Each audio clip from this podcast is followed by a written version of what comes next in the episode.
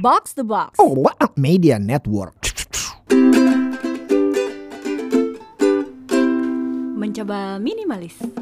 Hai Temins, gue Avo. Kalau lo saat ini lagi gampang ngerasa nggak berharga atau insecure, bisa jadi ada hal di masa lalu yang belum diberesin. Di episode ini, hipnoterapis Nabila Gasani bakal cerita sama Puri soal luka masa lalu dan gimana cara nyembuhinnya. Yuk kita dengerin. Nih ya, teh. Jadi kan kalau lihat dirimu tuh kayaknya Wah udahlah teteh-teteh adem hati nggak pernah julid gitu kayak. Alhamdulillah lo dilihat gitu.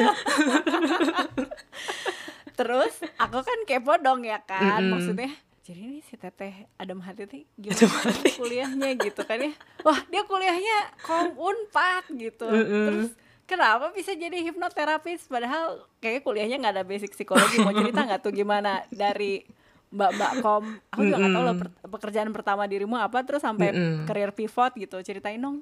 Em, jadi memang dulu kuliah eh, lul- lulusannya lulusan komunikasi. Terus setelah itu ya kerja seperti eh, orang-orang pada umumnya bekerja ke Jakarta dan selama berapa ya kurang lebih enam tahun tuh kerja di bidang logistik. Jadi sangat tidak nyambung. Wow di bidang logistik ngurusin kontainer, pengiriman ekspor impor gitu kan. Sekarang pengiriman rasa kayaknya ya. Penghubung rasa kayaknya. Terus em, pas berarti awal-awal usia 20-an lah ya habis lulus kuliah bahkan pas akhir kuliah lah. Itu tuh ada momen eh, aku tuh sering sakit badan, sakit kepala. Entah kenapa suka sakit kepala, suka migrain. Eh, jadi pas awal-awal kerja tuh sering banget eh, bolos, bukan bolos ya, tapi emang sakit gitu. Emang sakit kepala dan itu sering banget. Udah gitu ditambah apa ya aku tuh kalau ketemu orang gitu sama pasangan sama mantan gitu ya waktu itu kayak ngerasa ada apa ya kayak ada deep connection kayak chemistry yang kayaknya kok udah pernah ketemu gitu kayak udah kenal lama dan aku yakin dia tuh jodohku gitu kan setiap ketemu orang kayak dia jodoh gue deh terus mikir-mikir kenapa tiap orang yang ditemui kok ngerasanya gitu ini aneh sih gitu sampai ada satu titik adalah suatu hubungan di mana kok ini konek koneksinya gede banget gitu kan Nah di situlah coba cari tahu ternyata ada namanya past life. Oh ternyata ada konsep yang menyatakan bahwa kita ini nggak hidup hanya sekali ini aja. Jiwa kita tidak mati dan abadi. Yang memiliki batas waktu itu adalah raga tubuh kita. Dan ternyata si jiwa ini yang adalah kesadaran itu menyimpan memori. Jadi ketika kita dulu mengalami berbagai kehidupan, datanya tuh masih tersimpan. Dan akhirnya kita ada beberapa orang yang ternyata bisa mengingat past life-nya. Zaman dulu tuh ya cari gitu ya di sosial media, di internet gitu. Ada nggak sih orang yang mengalami hal yang sama? Ternyata banyak yang bisa mengingat past life-nya. Dari situlah kemudian menemukan satu buku judulnya Miracle atau Keajaiban. Kalau ditranslate eh, waktu itu saya kebetulan belinya bahasa Indonesia, nemu aja nggak sengaja di toko buku. Kayak one day kayak ini kayaknya harus keluar gitu ya. Eh, terus menemukan buku Keajaiban karangan Dr. Brian Elways. Dia seorang psikiater, jadi dia mempelajari tentang regresi em, apa ya memori lah, melihat kembali regresi. Regresi itu artinya mundur, kita mundur ke memori kita untuk menemukan akar masalah kita tuh apa. Nah, dalam salah satu prakteknya, dia menemukan ternyata akar dari masalah klien yang dia tangani ini ternyata jauh sumbernya bukan dari kehidupan dia sekarang. Kemudian, dia mulailah menyadari, oh ada namanya past life. Akhirnya muncullah istilah past life therapy. Jadi, ternyata menggunakan teknik hipnoterapi, tapi lebih dalam lagi dan lebih spesifik lagi mengenai past life mengenai kehidupan masa lampau. Ya buat saya waktu itu kan kayak masih bingung ah reinkarnasi emang ada ya gitu. Jadi pokoknya dulu emang curious banget lah cari tahu apa sih reinkarnasi, past life segala macam valid nggak sih gitu masuk akal nggak sih dari saintifiknya gimana sih gitu. Dan dia bikin beberapa buku dan waktu itu aku baca kan. Akhirnya tergerak untuk nyari tahu dari di Indonesia ada nggak ya gitu kan. ada nggak sih gitu kan. Dan ternyata ada di Indonesia waktu itu yang saya temukan tuh ada dua, ada dua praktisi. Dan pas banget akhirnya berjodoh sama satu uh, past life therapist akhirnya ikut sesinya gitu untuk menjadi uh, past life therapist juga. Akhirnya ya udah ikut kelasnya ak- akhirnya dapat sertifikat kemudian dari situ mulai iseng-iseng kan nyoba ke teman gitu kan. Terus mereka kayak wah melihat sesuatu yang baru dan dari situ jadi apa ya merasa kayak menemukan calling gitu kayak menemukan ada rasa satisfaction gitu ketika melihat teman-teman yang aku coba bantu dengan past life. Misalkan masalah mereka kayak nggak bisa fokus atau patah hati atau kok males-malesan aja gitu ya. Dan pas bangun buka mata gitu ya mereka kayak jadi sosok yang baru yang awalnya gloomy tiba-tiba jadi kayak menemukan cahaya gitu loh di dalam kehidupan. Dari situ tergerak oke wow gitu kan bisa kayak gini ya gitu dengan teknik ini akhirnya dari situ mendalami lah hipnoterapi lebih dalam lagi akhirnya sampai mendapat eh, sertifikasi Ya selama ini kan em, semoga aku tidak salah ini ya meng, meng- mengasumsi eh, asumsi tentunya ini. Kata reinkarnasi itu selalu mendapat label yang kayaknya nggak saintifik gitu.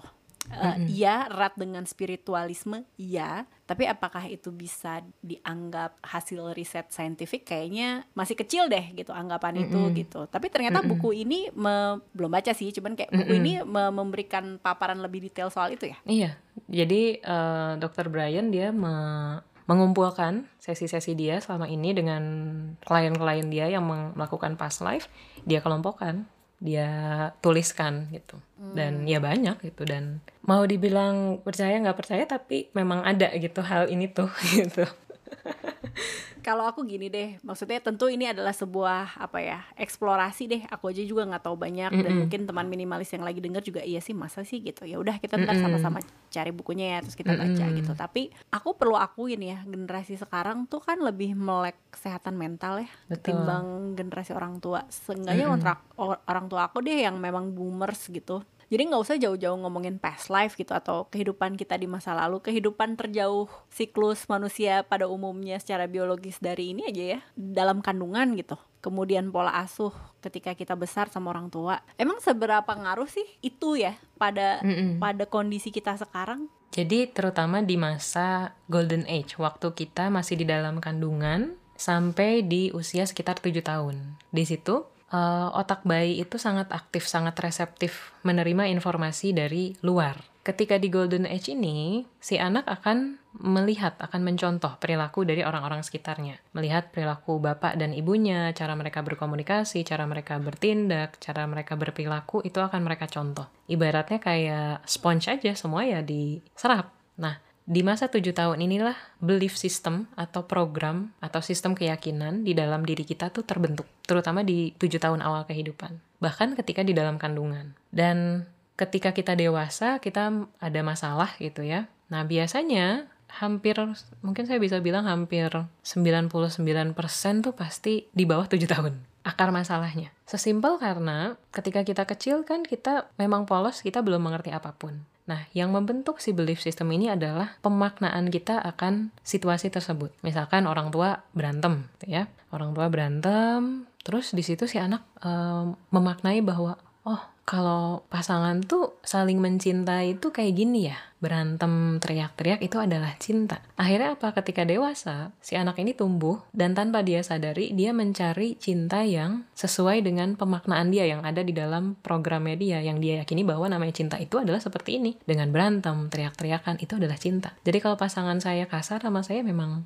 memang itulah cinta yang saya tahu. Itu yang benar menurut saya gitu. Nah, ketika dewasa kan kita bertumbuh dan kita melihat lingkungan sekitar kita. Di situ kita sadar, kayaknya ada yang aneh nih. Kenapa sih kok tiap punya pasangan kok gini lagi, gini lagi gitu. Padahal kan pengennya ya um, lovey-dovey gitu ya, kayak baik-baik aja. Kenapa gini ya gitu. Nah, di, di momen itulah kita perlu menyadari gitu ketika ada hal yang kita anggap ganjil tapi kok kayak nggak bisa atau sulit untuk kita ubah. Nah, itu bisa jadi karena program di subconsciousnya berbeda dengan keinginan kita sekarang. Misalkan contoh lainnya, aku tuh pengen punya uang banyak. Tapi di beliefnya, eh, misalkan di dalam beliefnya itu mengatakan bahwa jangan kata mama kalau punya uang banyak nanti jahat kayak si om itu. Jangan.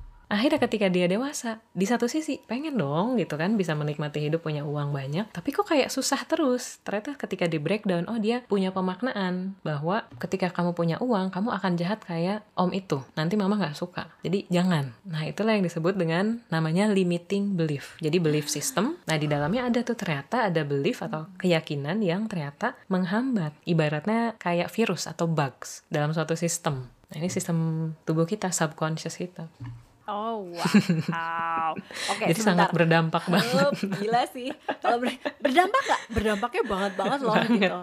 Oke, teman minimalis itu profilnya macam-macam teh. Jadi dari yang orang tua baru Hmm. eh, sampai yang memang masih single juga ada. Menurutku ketika kita ngomongin luka batin ya, maksudnya hal yang kita bertumbuh dianggap ah ya udahlah nggak nggak kok nggak apa-apa nggak apa-apa tapi ternyata tuh apa-apa ya. Betul. Untuk profil yang orang tua baru deh gitu. Mm-mm. Ya ampun, aku kan nggak pengen ya anak aku kayak gitu. Apalagi tadi diomongin tujuh, usia sa- 0 sampai 7 tahun tuh bener-bener krusial gitu. Tapi kan menjadi orang tua yang ideal versi sempurna mah kan tidak ada ya dalam hidup Betul. gitu. Jadi Iya. apa sih yang bisa dimitigasi kalau kita tuh profil orang tua baru supaya ya meminimalisir seminim-minimnya lah Iya. gitu anak kita kena luka batin gitu mengetahui bahwa kita juga manusia yang tidak sempurna gitu itu gimana tuh Yang bisa kita lakukan adalah kita memberikan penjelasan. Karena kan belief ini muncul karena anak memaknai. Dia menyimpulkan dari suatu kejadian. Nah, dibanding dia menyimpulkan sendiri dan ternyata kesimpulannya itu tidak tepat, jadi sebaiknya ya orang tua menjelaskan. Misalkan kayak, hmm, bahkan ketika di dalam kandungan, banyak klien yang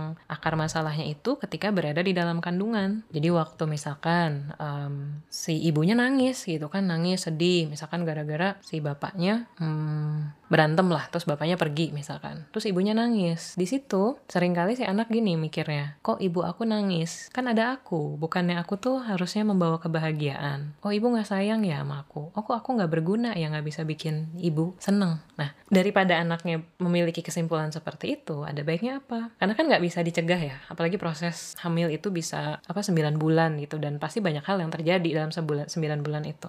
Bisa dicegah dengan si ibu cerita misalkan bilang aja ibu nangis ibu sedih bukan karena kamu. Tapi memang ini karena situasi eh, memang menangis itu misalkan ya nggak apa-apa gitu. tapi ibu sayang sama kamu ibu eh, menunggu kamu gitu. Wah gila sih. Jadi dijelasin. Iya iya, iya. dan itu sejak dalam kandungan loh.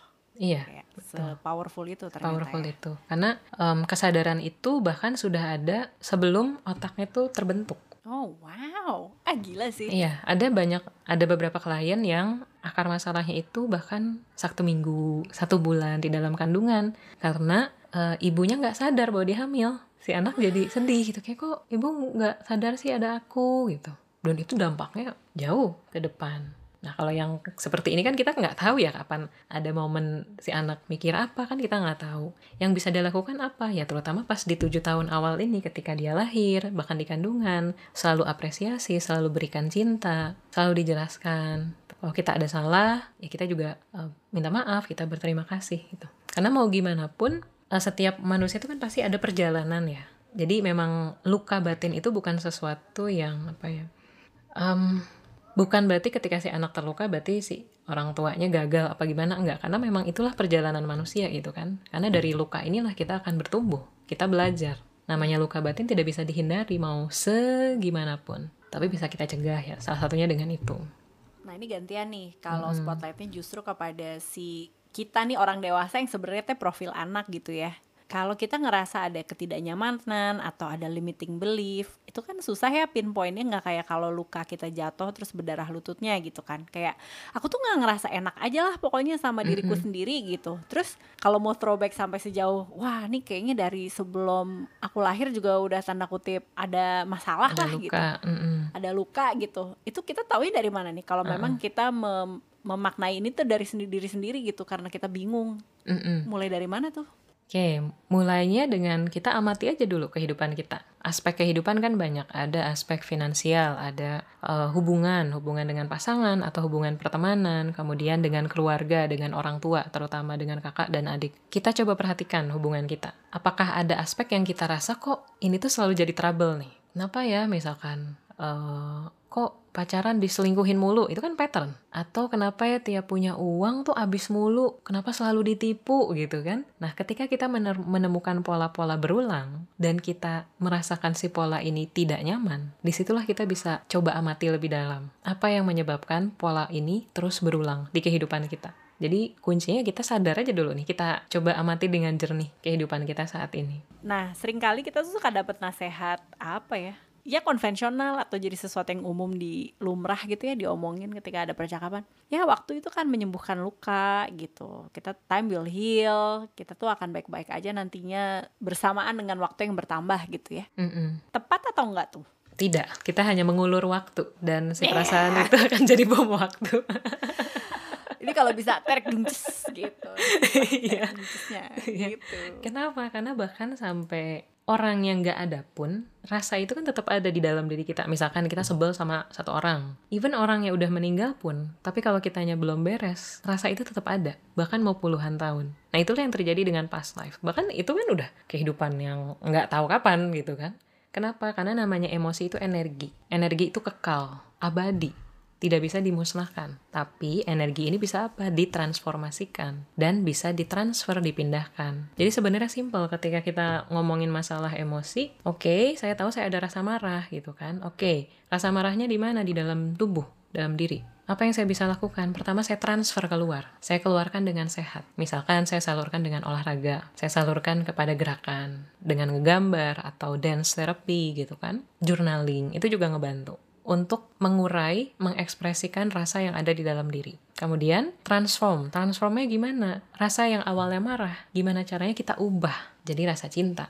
Yang awalnya marah jadi netral. Itu sebenarnya emosi itu seperti itu. Gimana kita mentransformasikan? dari sudut pandang itu aku mengerti tapi aku mau challenge lagi nih. Ketika misalnya kayak emang disebut ada journaling gitu kan terus gitu dance. Pokoknya kita perlu kasih channel ke energi tersebut gitu ya. Mm-mm. tapi pertanyaanku adalah di mana kita bisa mengetahui bahwa itu adalah channeling energi dan bukan kayak apa ya bilangnya distraksi aja gitu. Kayak aku lagi sedih ya udahlah. Aku pokoknya I don't know nonton dan ngemil gitu adalah sebuah action sih Hmm, sebenarnya gitu iya. tapi kan actionnya jadi bisa beda- beda-beda nih mana yang dianggap kategori sehat mana yang mm, nggak terlalu tepat gitu Oke, jadi ketika kita melakukan journaling, kita olahraga, atau misalkan kita nari gitu, kita gerakin tubuh, kuncinya adalah kita sadar dulu. Ketika kita mau melakukan apa pun di kehidupan kita, kita mau melangkah, kita mau makan, ada niatnya dulu yang jelas. Ketika kita tahu niatnya apa, ya akhirnya kan si tubuh kita akan mengikuti niatnya kita apa. Misalkan, oke saya tahu lagi marah, kesel banget, tapi ya marah ini kan nggak boleh saya lampiasin ke orang di sekitar saya. Kira-kira apa ya? Aduh, saya pengen gerak banget. Ya udah, misalkan saya olahraga. Jadi saya salurkan ketika olahraga pun saya niatkan rasa marah yang saya rasakan ini saya keluarkan lewat gerakan. bener berarti ya Kalau distraksi, kita kan nggak nggak sadar. gitu. ya udah kita gerak, ya. gerakin aja Iya, gitu iya, kan. Tapi nggak sadar Iya, apa yang iya, kita lakukan. Oke. Niat. Itu Even kuncinya, buang iya. sampah aja itu bisa jadi proses apa ya salah satu proses untuk melepaskan rasa tidak nyaman. Misalkan nih ketika lagi pagi-pagi ngumpulin sampah gitu kan niat untuk ngebuang semua rasa nggak nyaman aku ketika aku buang sampah ini satu dua tiga buang. Itu bisa terjadi. Wow. oke oke. Akhirnya Wah, kenapa sih. karena kan si tubuh kita akan nurutin apa yang pikiran kita bilang. Kalau pikiran bilang A kalau pikiran bilang bahwa membuang sampah sama dengan membuang emosi tubuh akan mengikuti. Jadi ketika gerak otomatis si emosinya juga akan tersalurkan lewat kinestetik. Kebuang juga. Bahkan mandi di pagi hari itu kalau saya rutin tiap pagi eh, mandi itu beres mandi gitu saya pasti akan ny- nyiram atau pakai shower gitu ya dari ujung kepala sampai kaki. Dan saya bayangin ketika airnya menyentuh tubuh saya semua rasa tidak nyaman luruh bersama air ini. Bayangin aja kayak ah gitu kan. Itulah yang terjadi udahnya jadi seger buat tubuh kita em, proses tadi adalah proses eh, pembersihan cleansing gitu. akan mengikuti. Nah itu yang bilang harus mindful tuh ini Mindful, berarti ya bukan soal apanya bebas sih apanya ya cuman memaknai apanya itu tuh kapan ini distraksi sama yang memang niat ya emang diniatkan gitu. Eh, kalau hipnoterapi eh, misalnya kita jadi klien gitu ya mungkin ini juga beberapa asing kali kayak sering dengar tapi belum ngalamin gitu. Kayak apa sih nanti di dalam ruang praktek dan em, tadi kan bilangnya kenal akar masalah dan trauma gitu. Mm-mm. biasanya butuh waktu berapa lama sehingga aku nggak mau pakai kata sembuh ya tapi kayak ya lebih kenal dan sudah mampu berproses dan berpulih gitu kira-kira berapa lama Oke, jadi kalau metode yang saya gunakan saat ini itu ketika klien datang kita lakukan sesi konseling dulu. Jadi nanti ngobrol-ngobrol dulu biar klien juga bisa menceritakan kisah kehidupannya dan kita bantu untuk cari tahu akar masalahnya itu apa. Kalau klien sudah menemukan root cause-nya apa, kemudian limiting belief-nya apa, baru nanti kita lakukan self healing. Ada namanya teknik Abigo. Ini teknik yang saya coba formulasikan sendiri. Jadi nanti dalam sesi pertama itu konseling, jadi dua jam, sejam untuk konseling, sejam kemudian Abigo. Nanti uh, klien akan diajak untuk belajar kenal sama tubuhnya, emosi di dalam dirinya seperti apa. Dari hasil konseling ini nanti saya bisa coba analisa kira-kira kebutuhan klien nih berapa sesi. Kalau misalkan oh ternyata dari kompleksitas masalahnya seperti ini kira-kira butuh setidaknya minimal empat kali atau dua kali itu nanti kita lihat progresnya. Jadi tiap orang bisa beda-beda. Nah baru di sesi berikutnya di sesi kedua dilakukan hipnoterapi. Nah hipnoterapi ini nanti lebih mendalam karena sekarang masih pandemi jadi sesinya yang saya lakukan sejak 2020 ini online gitu. Jadi nanti klien duduk nyaman, memejamkan mata dan hanya mendengarkan suara panduan dari saya. Ini yang sering salah kaprah. Hipnoterapi itu dibilang tidur yang nggak sadar ya, itu kan? Padahal tidak, sangat sadar. Tapi tubuh kita yang rileks, kita duduk, kita memejamkan mata, kita masuk ke dalam kondisi hipnosis. Nah, hipnosis ini adalah kondisi deep relaxation. Yang mana ketika kita berada dalam kondisi hipnosis, kita jadi bisa mengakses data yang ada di pikiran bawah sadar. Kenapa harus ke bawah sadar? Karena kan kita mau um, reprogram belief yang ada di belief system. Kita maknai ulang. Kalau yang tadi awal misalkan aku ngerasa nggak berharga, nah kita reprogram itu adalah kita ubah maknanya. Yang awalnya si anak merasa aku nggak berharga, di reprogram jadi aku berharga. Karena aku berharga, aku jadi percaya sama diri aku dan aku layak dan aku jadi percaya diri. Jadi prosesnya seperti itu. Jadi sadar hipnoterapi dan kondisi hipnosis ini sebenarnya tiap hari pun dialami ketika kita mau tidur dan pas bangun tidur tidur itu kan ada perubahan ada transisi perubahan gelombang otak yang awalnya aktif kritis kemudian berubah ke kondisi relax kemudian masuk ke deep relaxation kemudian deep sleep ketika bangun tidur juga ada perubahan. Jadi tiap hari pun kita merasakan kondisi hipnosis sebenarnya. Nah, tinggal mm -mm. di kondisi itu mau diisi apa gitu yeah. kali ya. Nah, ketika meditasi meditasi ini bisa biasanya kan sama kan ada perubahan. Yang awalnya kita sadar sangat aktif kemudian kita mulai rileks. Nah kalau lebih dalamnya lagi ya kondisinya bisa kondisi hipnosis atau disebutnya trance deep relaxation. Nah ketika di situ biasanya malah muncul kesadaran-kesadaran baru. Yang awalnya kita nggak menyadari gitu oh selama ini kenapa ya? Aku sikapnya gini. Akhirnya jadi tiba-tiba muncul aja kesadaran. Dapat realisasi. Tahu Nah, ini sekarang ke tetehnya sendiri gitu. Aku nggak tahu nih soal apa confidential dengan klien. Lebih kepengen tahu sih pengalaman yang paling challenging ketika hipnoterapi itu seperti apa kalau boleh diceritain. Um, jadi ada satu klien, dia masalahnya dia punya kemarahan yang sangat besar sama ibunya. Kemudian sudah dilakukan terapi beberapa kali, tapi dia ngerasa kok masih marah sih gitu, kok kayak dendam, kayak nggak bisa gitu maafin ibunya. Kemudian saya coba lakukan hipnoterapi dan saya panggil siapa sih bagian dari diri dia yang membuat dia tuh jadi susah banget untuk memaafkan ibunya gitu. Akhirnya muncul, dia bilang ada sosok laki-laki gitu, laki-laki ini sosok-sosoknya gelap gitu kan laki-laki tua gitu kan. Oke okay, gitu kan. Kita mundur kapan sih pertama kali sosok tua ini hadir di dalam diri kamu? Ternyata mundur pas di muncul pas dia usia lima tahun. Waktu itu ceritanya dia ketakutan maghrib dia pulang lewat lewat kebun yang gelap terus dia ketakutan. Nah di situlah si fearnya muncul rasa takutnya. Oke okay, kemudian saya mundur lagi. Kapan si rasa ini muncul? Mundur lagi ternyata ke bawah ke past life. Nah si sosok yang bapak-bapak ini ternyata di kehidupan di masa lampaunya dia dia adalah sosok sosok yang telah membunuh keluarga dan juga desanya dia. Jadi membantai, si bapak ini membantai desanya dia dan dia jadi orang yang selamat. Di situlah dia dendam banget sama si sosok ini. Nah, dendamnya dia ternyata kebawa ke kehidupan dia sekarang. Jadi sebenarnya dendamnya, akar dari dendam dia sama ibunya itu adalah dendam dia sama si sosok yang ada di past life ini. Cuman karena saling terkait gitu. Jadi berlapis-lapis gitu. itu lumayan kompleks gitu. Dalam satu sesi itu kayak kerunut gitu semuanya.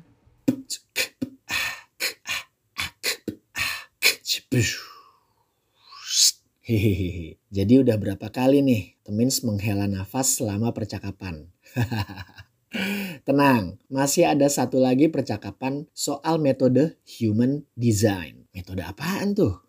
Teh Bia bakal ngomongin lebih banyak lagi di episode selanjutnya. Sementara itu, kalau lo suka banget sama episode-episodenya MM, yuk follow kita di Instagramnya mencoba minimalis. Dan jangan lupa kasih review bintang 5 di Spotify ya lewat HP lo. Avo caps dulu ya. Bye. Mencoba minimalis.